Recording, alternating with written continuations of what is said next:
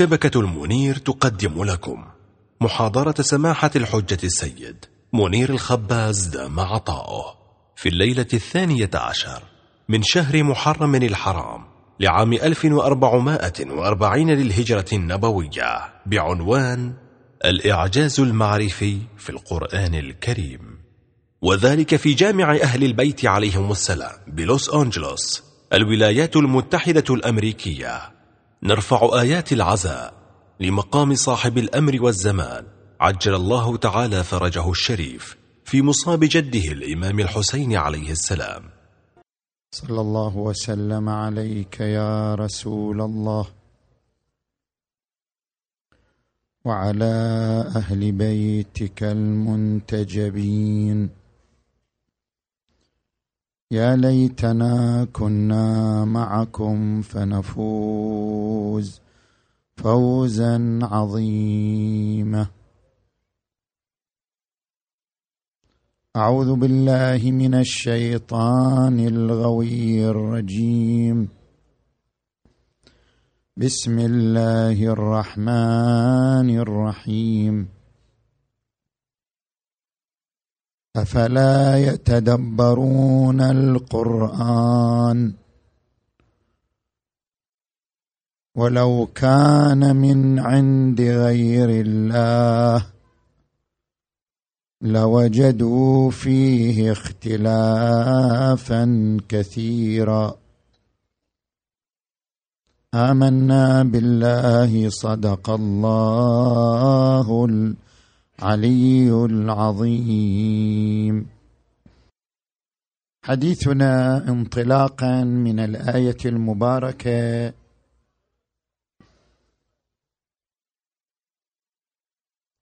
حول الإعجاز المعرفي للقرآن الكريم. ونتحدث عن خصوص قسم من المعرفة ألا وهي المعرفة الفلسفية. عندما نقوم بمقارنة بين القرآن وبين التوراة والإنجيل عندما نقوم بمقارنة بين القرآن وبين الكتب السابقة واللاحقة. نجد أن القرآن الكريم تميز بمعارف فلسفية لا توجد في كتاب آخر. وذلك على مستوى محاور ثلاثة. المحور التوحيدي والمحور الوجودي والمحور الانساني نجي الآن إلى المحور التوحيدي كيف تناول القرآن معرفة الله؟ كيف تناول القرآن وحدانية الله عبر مفردات فلسفية ما سبق القرآن كتاب آخر بها. هنا مستويان. مستوى الألوهية ومستوى الوحدانية. مستوى الألوهية. نلاحظ أن القرآن الكريم استدل على وجود الإله بالدليل العقلي وبالدليل الاستقرائي اللذين هما قوام المعرفة البشرية. مثلا عندما نأتي للدليل العقلي القرآن يقول أم خلقوا من غير شيء أم هم الخالقون؟ هذا استدلال عقلي. هذا الاستدلال العقلي يتضمن محتملات أربعة. الإنسان موجود إما أنه وجد بلا سبب أو أنه وجد من عدم أو أنه أوجد نفسه أو أن الله أوجده. فإذا بطلت الاحتمالات الثلاثة الأولى تعين الاحتمال الرابع هل أنه وجد بلا سبب؟ هذا خلف لقانون السببية لكل مسبب سبب. هل أنه وجد من العدم؟ يعني اللا شيء أنتج شيء اللا شيء أعطى شيء. هذا غير معقول. فاقد الشيء لا يعطي لا يعقل اللا شيء ينتج شيء. ولذلك قال أم خلقوا من غير شيء. يعني يريد أن يقول هذه القضية مستحيلة. يخلق الإنسان من لا شيء. اللا شيء لا ينتج الشيء. العدم لا ينتج الوجود. فاقد الشيء لا يعطيه. أم خلقوا من غير شيء؟ نجي إلى المحتمل الثالث أن الإنسان هو الذي خلق نفسه هذا أيضا محال هو السبب وهو مسبب هو الخالق وهو المخلوق مستحيل أم هم الخالقون؟ اذا تعين الاحتمال الرابع ألا وهو أن الخالق هو الله عز وجل. هذا استدلال عقلي. نجي إلى الاستدلال الاستقرائي. الاستدلال الاستقرائي القائم على الدليل الرياضي وهو دليل حساب الاحتمالات. ذكرناه في الليالي السابقة. جمع الظواهر المقارنة بين الفرضيات التقابل العكسي بين الفرضيات. كلما تضاءلت فرضية السلب تصاعدت فرضية الإيجاب. القرآن يستخدم الدليل الاستقرائي. ماذا يقول؟ إن في خلق السماوات والأرض واختلاف الليل والنهار. والفلك التي تجري في البحر بما ينفع الناس. وما أنزل الله من السماء من ماء فأحيا به الأرض بعد موتها. وبث فيها من كل دابه وتصريف الرياح والسحاب المسخر بين السماء والأرض. لآيات لقوم يعقلون. يقول إذا تأملت هذه الصور ذكر لك سبع صور صور متحركة كأنك تراها أمام شاشة التلفزيون. ينقل لك صور سبع صور متحركة. يقول هذه الصور ظواهر. هذه الظواهر اطرح لها فرضيتين. إما أنها جاءت بالصدفة أو أنها جاءت من عقل حكيم. فإذا قارنت بين الفرضيتين وجدت أن الفرضية الأولى وهي أنها جاءت صدفة أو جاءت بلا عقل أو جاءت بلا تحكيم ترى أن هذه الفرضية غير صالحة لتفسير الظواهر السبع. اذا هذه الفرضية متضائلة. فإذا تضاءلت تصاعدت الفرضية الأخرى وهو أن هذه الصور السبع جاءت عن عقل مدبر حكيم.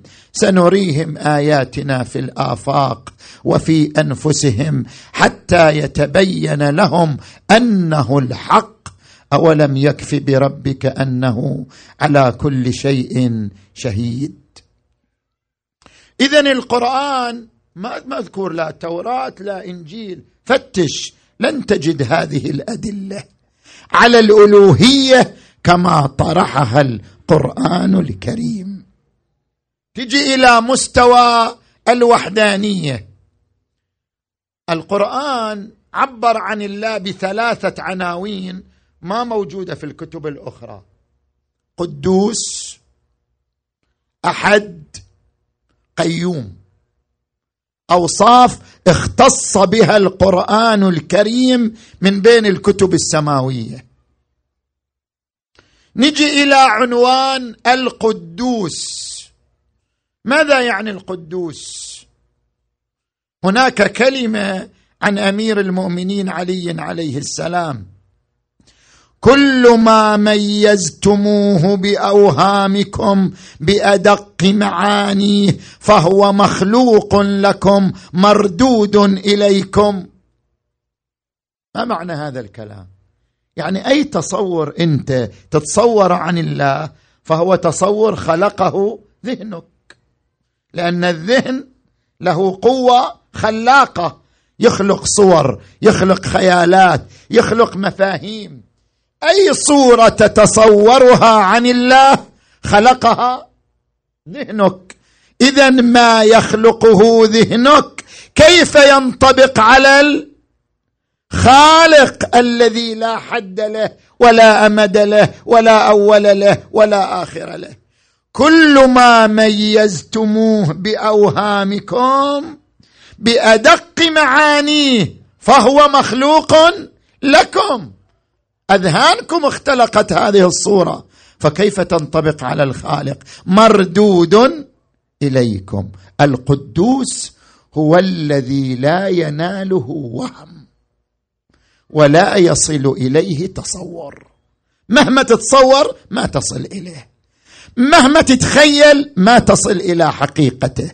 القدوس الذي لا يناله وهم ولا يصل إليه تصور. هو الله لا إله إلا هو الملك القدوس سلام المؤي سلام المؤمن المهيمن العزيز الجبار. الوصف الثاني أحد قل هو الله أحد. الوحدانية كما في الفلسفة. تارى وحدانية عددية. تارى وحدة عددية. تارى وحدة فقرية. تارى وحدة آه تارى وحدة حقيقية. تارى وحدة أحدية. الوحدة العددية مثل شنو؟ واحد يقابله اثنين. ما تقدر تقول هذا واحد إلا إذا قابله اثنين. ما تقدر تقول اثنين إلا إذا قابله ثلاثة. الوحدة العددية لا تنطبق على الله لأنه لو كان واحدا بالعدد لكان له اثنان وثلاثة. فالوحدة العددية منتفية. الوحدة الفقرية كما يقال اليتيم ليس عنده ما عند غيره فهو وحيد. وحدة اليتم وحدة فقرية.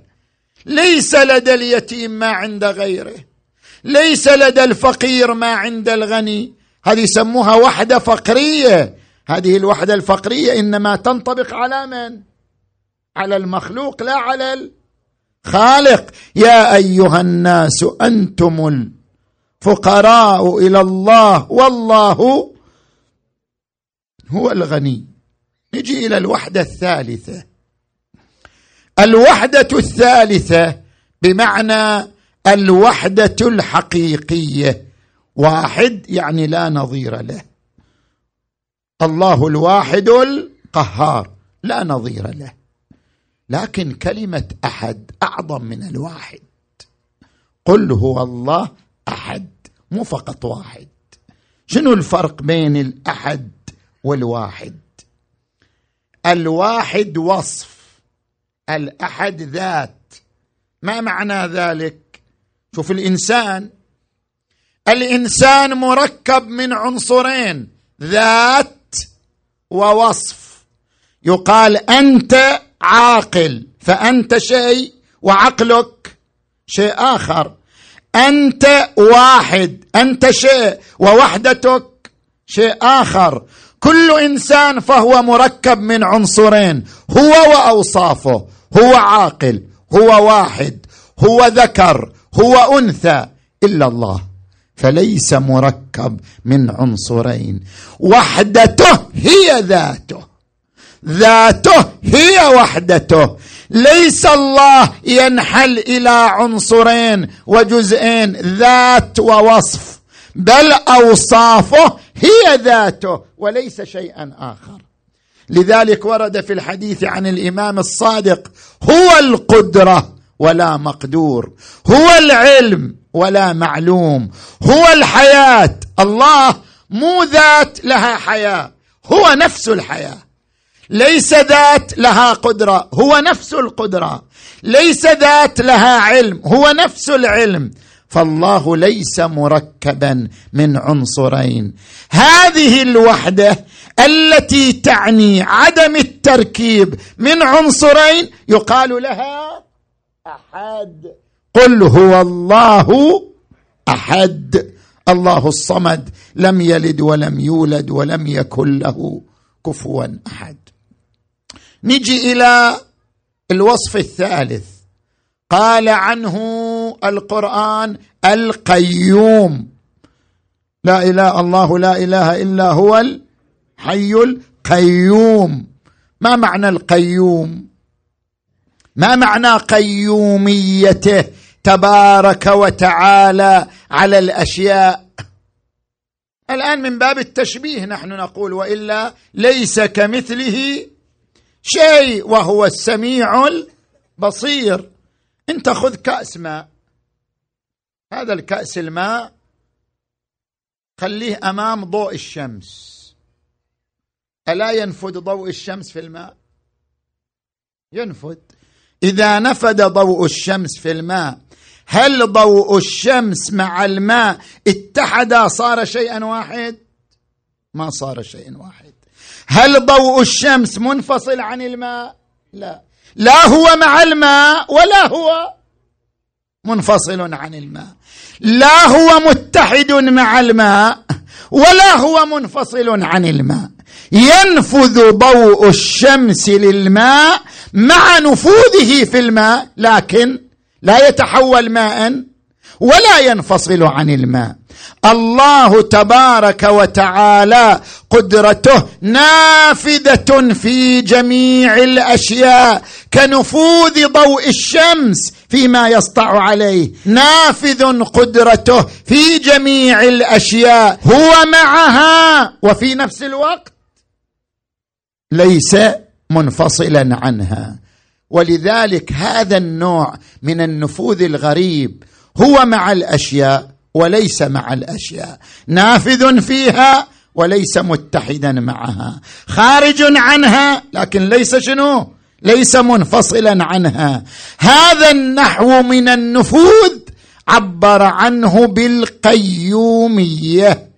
القرآن الكريم يعبر عن القيومية بأوصاف عظيمة عندما يقول ألا إنهم في مرية من لقاء ربهم؟ ألا إنه بكل شيء محيط؟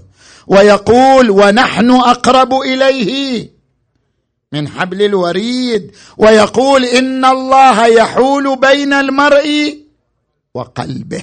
يعني هو أقرب إلينا من من قلوبنا ومن أنفسنا فهو معنا لكن ليس متحدا بنا.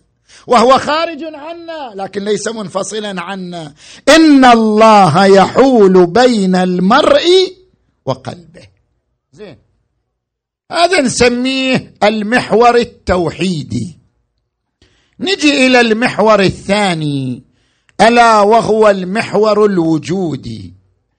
كيف قسم القرآن عالم الوجود؟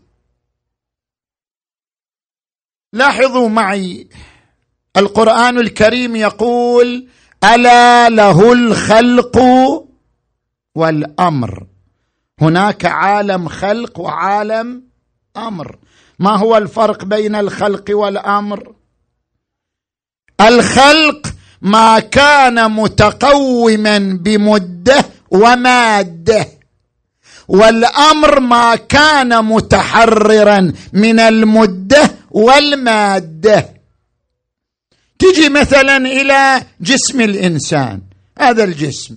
هذا الجسم من عالم الخلق. ليش؟ لأن هذا الجسم متقوم بمادة ومدة. القرآن الكريم يقول لقد خلقنا الإنسان من سلالة من طين ثم جعلناه نطفة في قرار مكين ثم خلقنا النطفة علقة فخلقنا العلقة مضغة فخلقنا المضغة عظاما فكسونا العظام لحما ثم أنشأناه خلقا آخر. فهو تكون من مدة ومادة.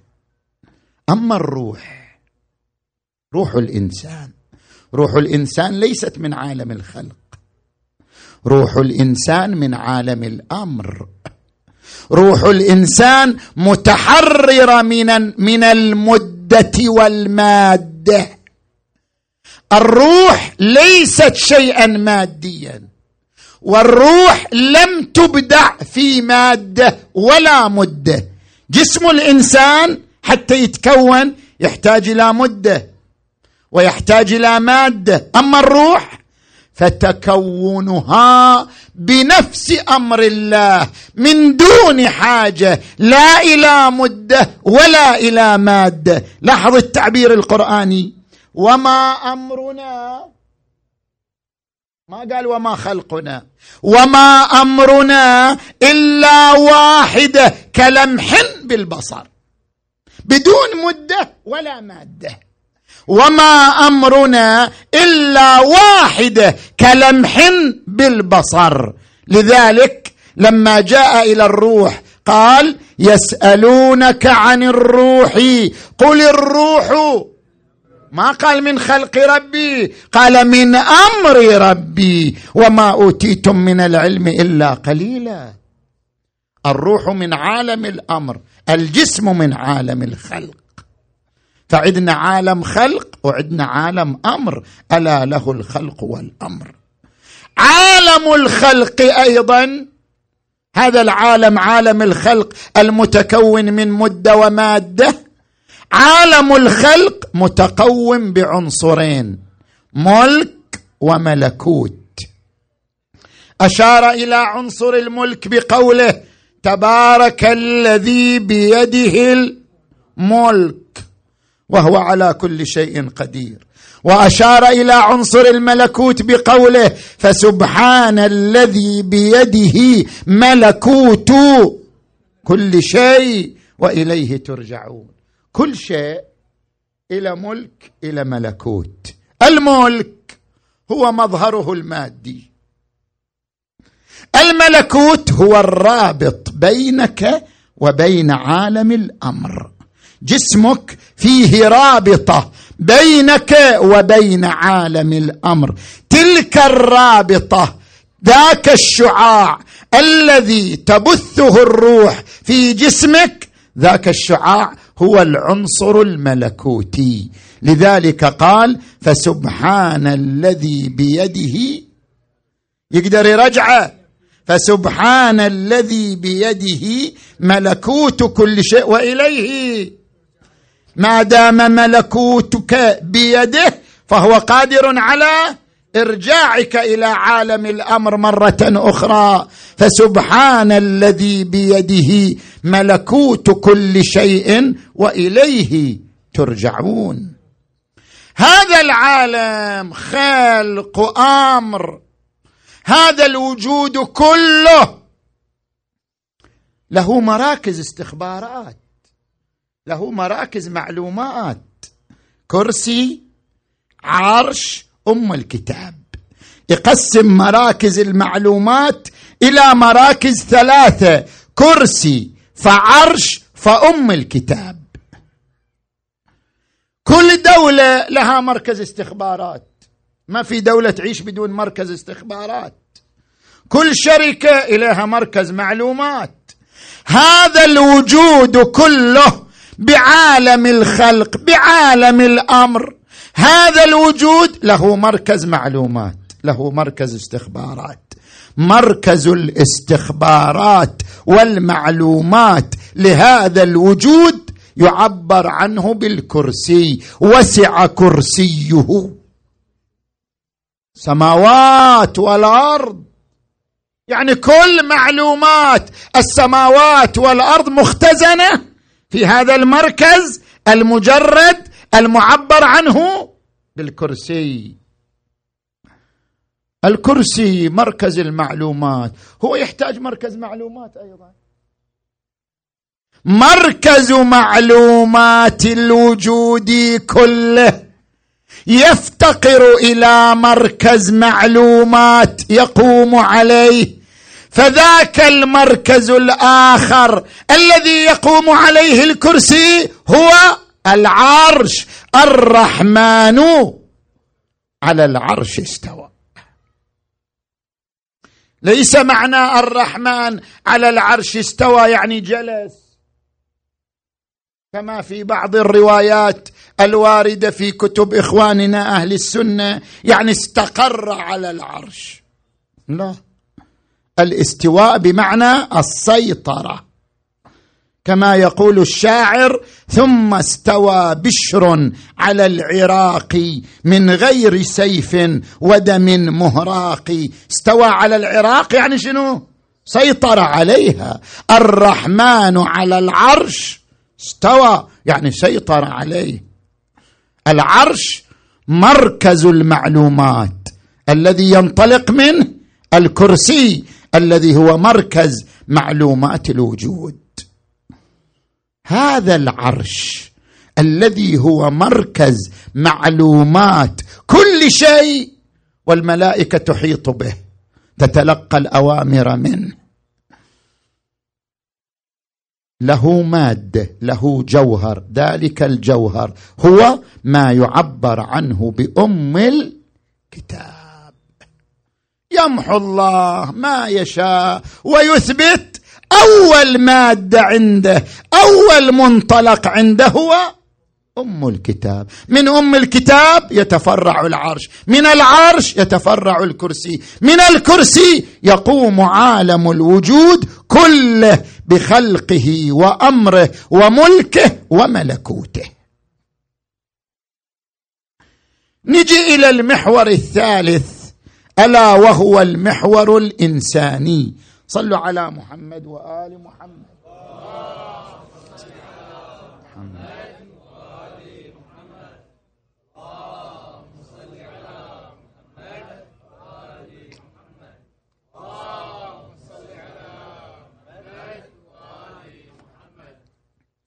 الإنسان كيف تكلم عنه القرآن؟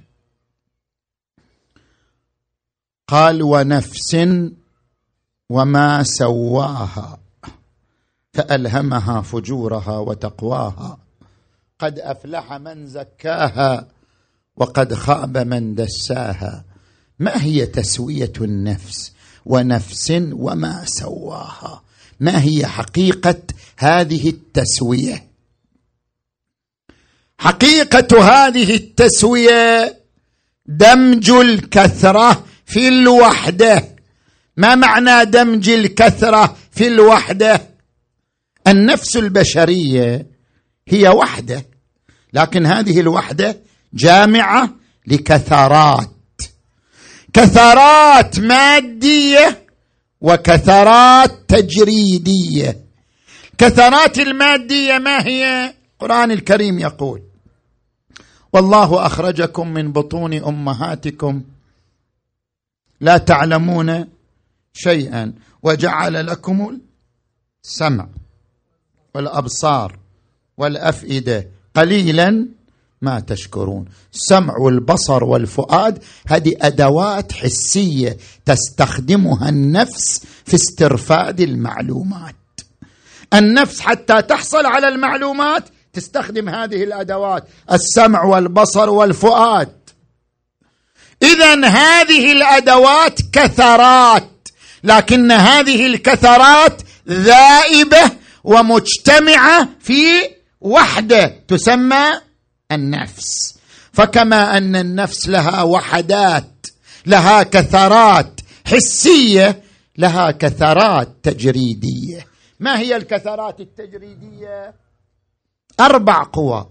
أمارة لوامة عاقلة مطمئنة. القوة الأولى من قوى النفس القوة الأمارة. وما أبرئ نفسي. إن النفس لأمارة بالسوء. هذه القوة الشهوية التي أودعها الله في كيان الإنسان.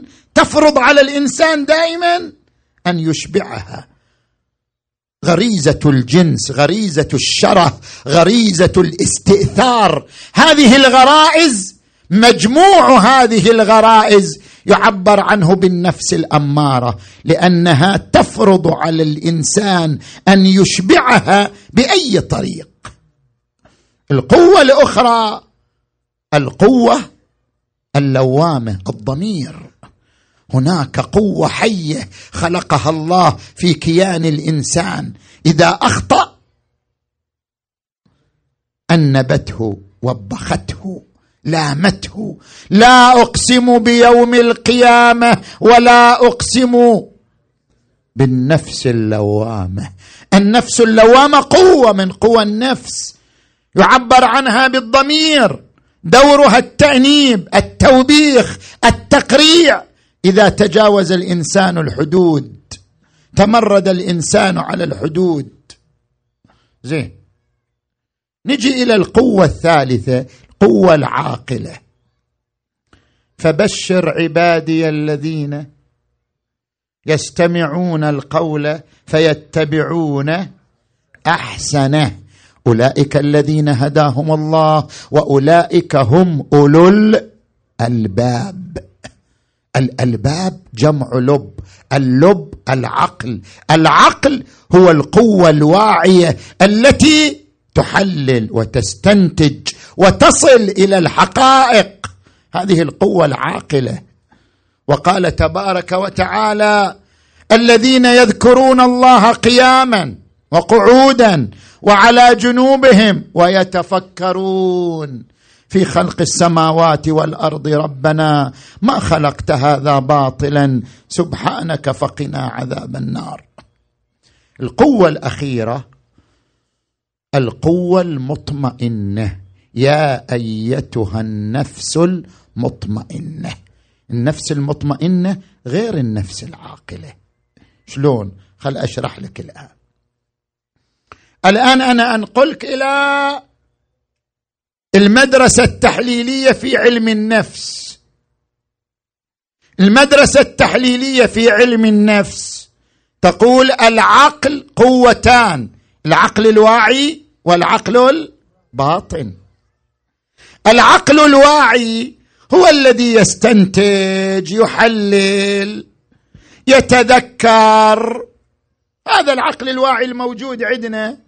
كيف نفهم الرياضيات؟ كيف نفهم الفيزياء؟ كيف نفهم الفلسفة من خلال العقل الواعي؟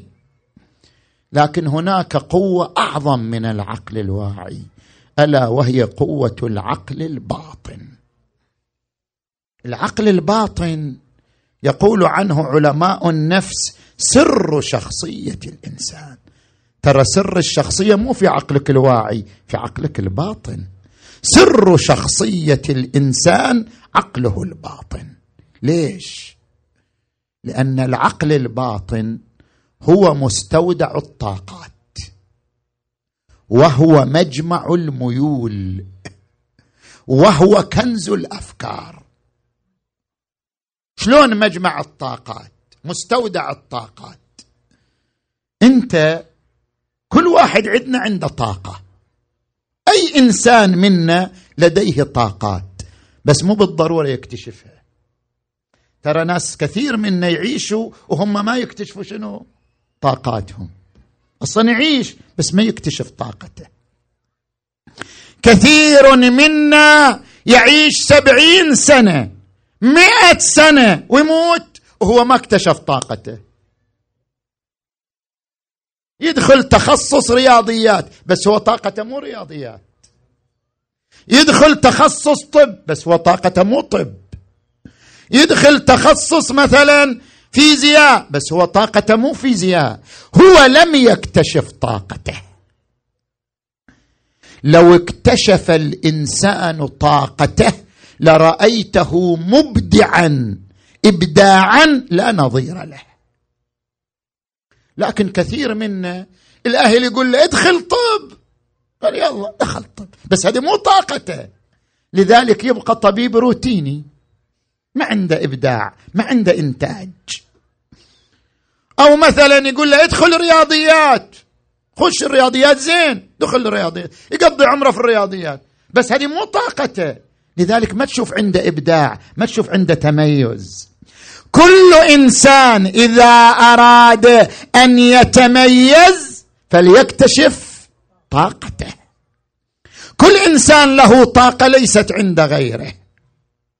وهذا ما أشار إليه الحديث عن الإمام علي عليه السلام.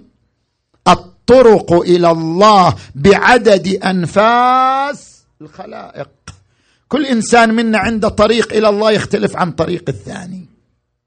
طاقته الكامنة في عقله الباطن. إذا اكتشفت عقلك الباطن اكتشفت طاقتك. إذا اكتشفت طاقتك وصلت إلى الإبداع والتميز. العقل الباطن سر شخصية الإنسان. لذلك ورد عن الإمام علي عليه السلام قيمة كل امرئ ما يحسنه ترى قيمتي ليست في شكلي ولا نسبي ولا منصبي. قيمتك في عطائك. قيمة كل امرئ ما يحسنه قيمتك في عقلك الباطن. والعقل الباطن مجمع الميول. عندك ميول أحيانا تستحي تظهرها صح؟ اكو واحد عنده ميول نحو الفن والموسيقى. بس يخجل يظهر ميوله. هذا الميل لأنه يخجل يتراجع الميل وينكمش في العقل الباطن. هذا عند ميول نحو الخطابة. هذا عند ميول نحو الرياضة. هذا عند ميول نحو الفن. كثير ناس عندهم ميول تنكمش ميولهم. وتندثر في العقل الباطن. ولذلك متى تظهر الميول؟ إذا نام. إذا نام العقل الواعي يسكت ويتحرك العقل الباطن فتظهر ميول الإنسان أثناء النوم. يمارس كثير من هواياته وميوله أثناء النوم. عقله الباطن يتحرك إذا خمد عقله الظاهر. فاذا سر شخصيتك هي عقلك الباطن. ولذلك إذا أردت أن تصل إلى الله بأقرب طريق فأقرب طريق يوصلك إلى الله عبر عقلك الباطن. قرآن قسم المعرفة العقلية المعرفه العقلية الظاهرية والمعرفة العقلية الباطنية. المعرفة العقلية الظاهرية ماذا قال عنها؟ قال وفي الأرض آيات للموقنين. هذه معرفة عقلية بالعقل الظاهر. وفي أنفسكم. هذه معرفة عقلية بالعقل الباطن. وفي أنفسكم. أفلا تبصرون. أفلا تتأملون في عقولكم الباطنة. أفلا تدركون ما فيها. وفي أنفسكم. أفلا تبصرون. ولذلك ورد عن الرسول محمد.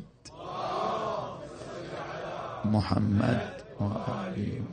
من عرف نفسه فقد عرف ربه. من وصل إلى الله من هنا من الداخل من خلال نفسه من خلال عقله الباطن وصل إلى ربه. من عرف نفسه فقد عرف ربه. وورد عنه صلى الله عليه وآله معرفة النفس أنفع المعرفتين. لذلك ترى الأئمة الطاهرين وصلوا إلى الله عبر الطريق الداخلي مو عبر الطريق الخارجي عبر العقل الباطن لا عبر العقل الظاهر. ولذلك يقول سيد الموحدين يا من دل على ذاته بذاته.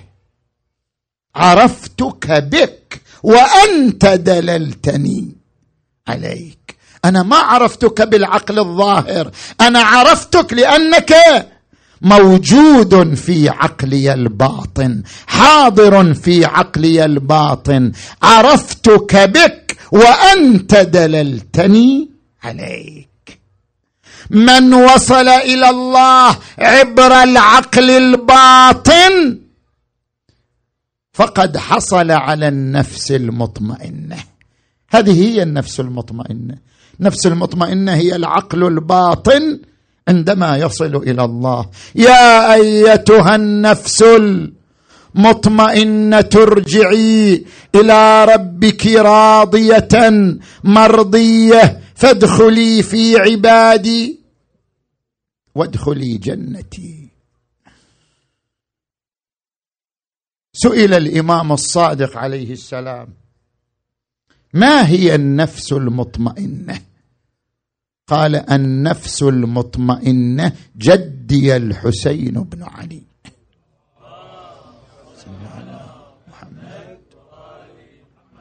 يعني يريد يعطي مثال. يريد يعطي أوضح صورة للنفس المطمئنة. يقول أوضح مثال أوضح صورة أعطيكم للنفس المطمئنة. جدي الحسين بن علي. الذي كان يقول أيكون لغيرك من الظهور ما ليس لك؟ حتى يكون هو المظهر لك. متى غبت؟ حتى تحتاج إلى دليل يدل عليك. ومتى كانت الآثار هي التي توصل إليك؟ عميت عين لا تراك عليها رقيبا. وخسرت صفقة عبد لم تجعل له من ودك نصيبا. الحسين طاقة الاطمئنان طاقة الصمود. طاقة قوة الإرادة. الحسين الذي مثل يوم عاشوراء. طاقة الرضا طاقة التسليم. اللهم رضا بقضائك وتسليما لأمرك. يا غياث المستغيثين. وكان يقول هون ما نزل بي أنه بعين الله. هذا الإنسان وهذه النفس المطمئنة التي ما تأثرت ولا ولولت ولا أعولت واستقبلت الشهادة بكل فرح وسرور. يقول حميد بن مسلم ما رأينا موتورا قتل أهله وأصحابه مثل الحسين. كلما ازدحموا عليه تهلل وجهه فرحا يستقبل الموت بالبسمة يستقبل الشهادة بالفرح والسرور لأنه النفس المطمئنة لأنه النفس الراضية لأنه النفس المرضية. وهذا ما عبرت عنه العقيلة زينب. سلام الله عليها. قالت هؤلاء قوم كتب عليهم القتل. قال لها عبيد الله بن زياد أرأيت كيف صنع الله بأخيك؟ والعتاة المرد من أهل بيتك؟ قالت ما رأيت إلا جميلا. لبالك إحنا خايفين متأذين لا. ما رأيت إلا جميلا. هؤلاء قوم كتب عليهم القتل فبرزوا إلى مضاجعهم. وسيجمع الله بينك وبينهم. فتحاج وتخاصم. فانظر لمن الفلج يومئذ. يوم ينادي المنادي ألا لعنة الله؟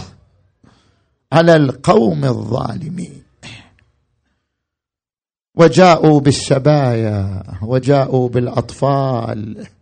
في اليوم الثاني عشر أدخلوهم الكوفة. زينب كانت في الكوفة سيده أميرة. زينب كانت هي سيدة الكوفة أميرة هذه البلاد. وإذا بسيدة الكوفة تدخل وهي مربقة بالحبال.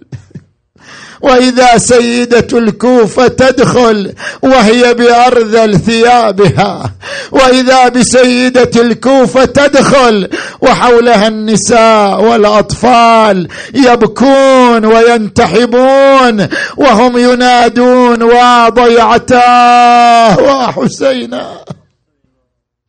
خرج نساء أهل الكوفة صاروا يرقون على الأطفال يعطفون على الأيتام يناولونهم الخبز يناولونهم التمر لأن وجوههم تكشرت من حرارة الشمس ويبست ألسنتهم من شدة العطش والظماء صاروا يناولونهم الخبز والتمر ولكن رجالهم تسخر وتستهزئ بهم.